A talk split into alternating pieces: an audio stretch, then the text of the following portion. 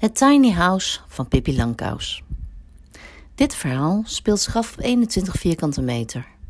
Waar een jonge vrouw, laten we haar Berit noemen, al zou Pippi toepasselijker zijn, een oud bakhuisje tot huis verbouwt. Een tiny house, maar toch. Net als Pippi Langkous wordt ze niet belemmerd door enige kennis van zaken. Ze heeft het nog nooit gedaan, dus ze denkt wel dat ze het kan.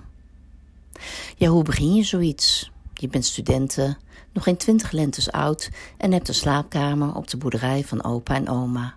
De boerderij waar papa en mama ooit zijn ingetrokken, evenals je zusjes, reuzenhond Ebbe, paard Dora en het allerlaatste konijn. In je kamer is er naast het bed geen plaats voor een bureau. Dus verhuis je je bureau naar de eettafel. En dan slaat COVID-19 toe. En zit de hele familie ineens om die eettafel. Om gek van te worden. Zo kan de mens toch niet studeren? Ze kijkt naar buiten. Naar het verblijf van paard Dora. Naar de klusschuur van haar vader. Het ingestorte schuurtje waar ooit een gastenverblijf moet komen. En dan valt haar oog op het bakhuisje. Ooit de plek op de boerderij waar brood en koek werd gebakken. Hun bakhuisje is uitgerust met een zolder voor graanopslag. Het huis zou het atelier van haar zusje worden. Maar ja, die heeft andere dingen aan haar hoofd. Als ze daar nu eens haar home office van maakt, kan zij rustig studeren. En dus loopt ze het bakhuis binnen. Direct met haar hoofd in de spinnenwebben. Getver! Oh, over hoofd gesproken, pas op voor het lage plafond, stoot je hoofd niet. Ze blijft een tijdje staan om het interieur in zich op te nemen. Om te weten wat je gaat doen, moet je eerst overzicht creëren, heeft ze geleerd. Dus hup, alle oude meuk eruit. God, wat hadden opa en oma een hoop troep bewaard. Ze had het nooit breed gehad en dan spaar je alles voor. Nou ja, je weet maar nooit. Stoelen met drie poten, een tafel zonder blad, truien met gaten, gebreid in het jaar nul, schoolboeken van opa van een eeuw geleden. Zelfs zijn vergeelde rapporten lagen er nog. Toen ze alles eruit had gesjouwd, had ze eens rondgekeken. De muren waren flinterdon, het dak had gaten, de ramen waren kapot. Wat nu? Laten we beginnen met een vloer, had ze gedacht. Een vloer was altijd goed. Geen idee hoe het moest, maar ze zou eens rondvragen. Wat ze wel wist dat er vloerverwarming moest komen. Want je wilde op zo'n kleine ruimte geen plek verliezen met radiators.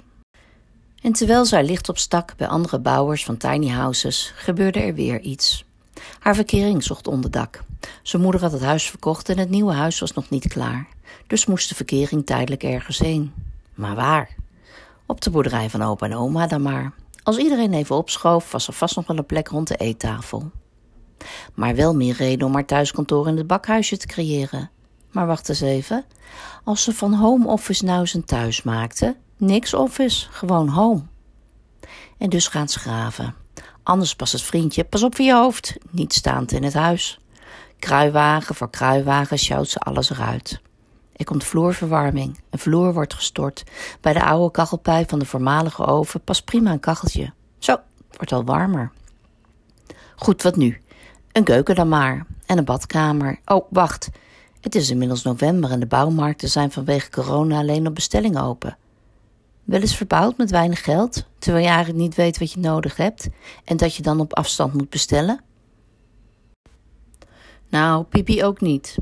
En dat je maar één schroef nodig hebt en er wel minimaal twintig moet bestellen. En ze is wel gewoon student, hè? Zo, en dan staat er ineens een keuken en een douche met een toilet. Geld voor de deur van de badkamer is er even niet, dus het bezoek moet maar even bij opa naar het toilet. En dan op Valentijnsdag is het dak dicht, zitten er nieuwe ramen in en wordt de trap naar de slaapzolder uitgetrokken. De kat met de witte vacht nestelt zich op het bed. Hun tiny house is klaar, laat de winter maar komen. Wat spook je daar toch allemaal uit? vraagt opa, die slechter been is geregeld. Ik heb het bakhuis verbouwd tot huis. En daar woon ik nu, antwoordt ze dan vrolijk. Dat kan niet, zegt opa beslist. Maar Pipi weet wel beter.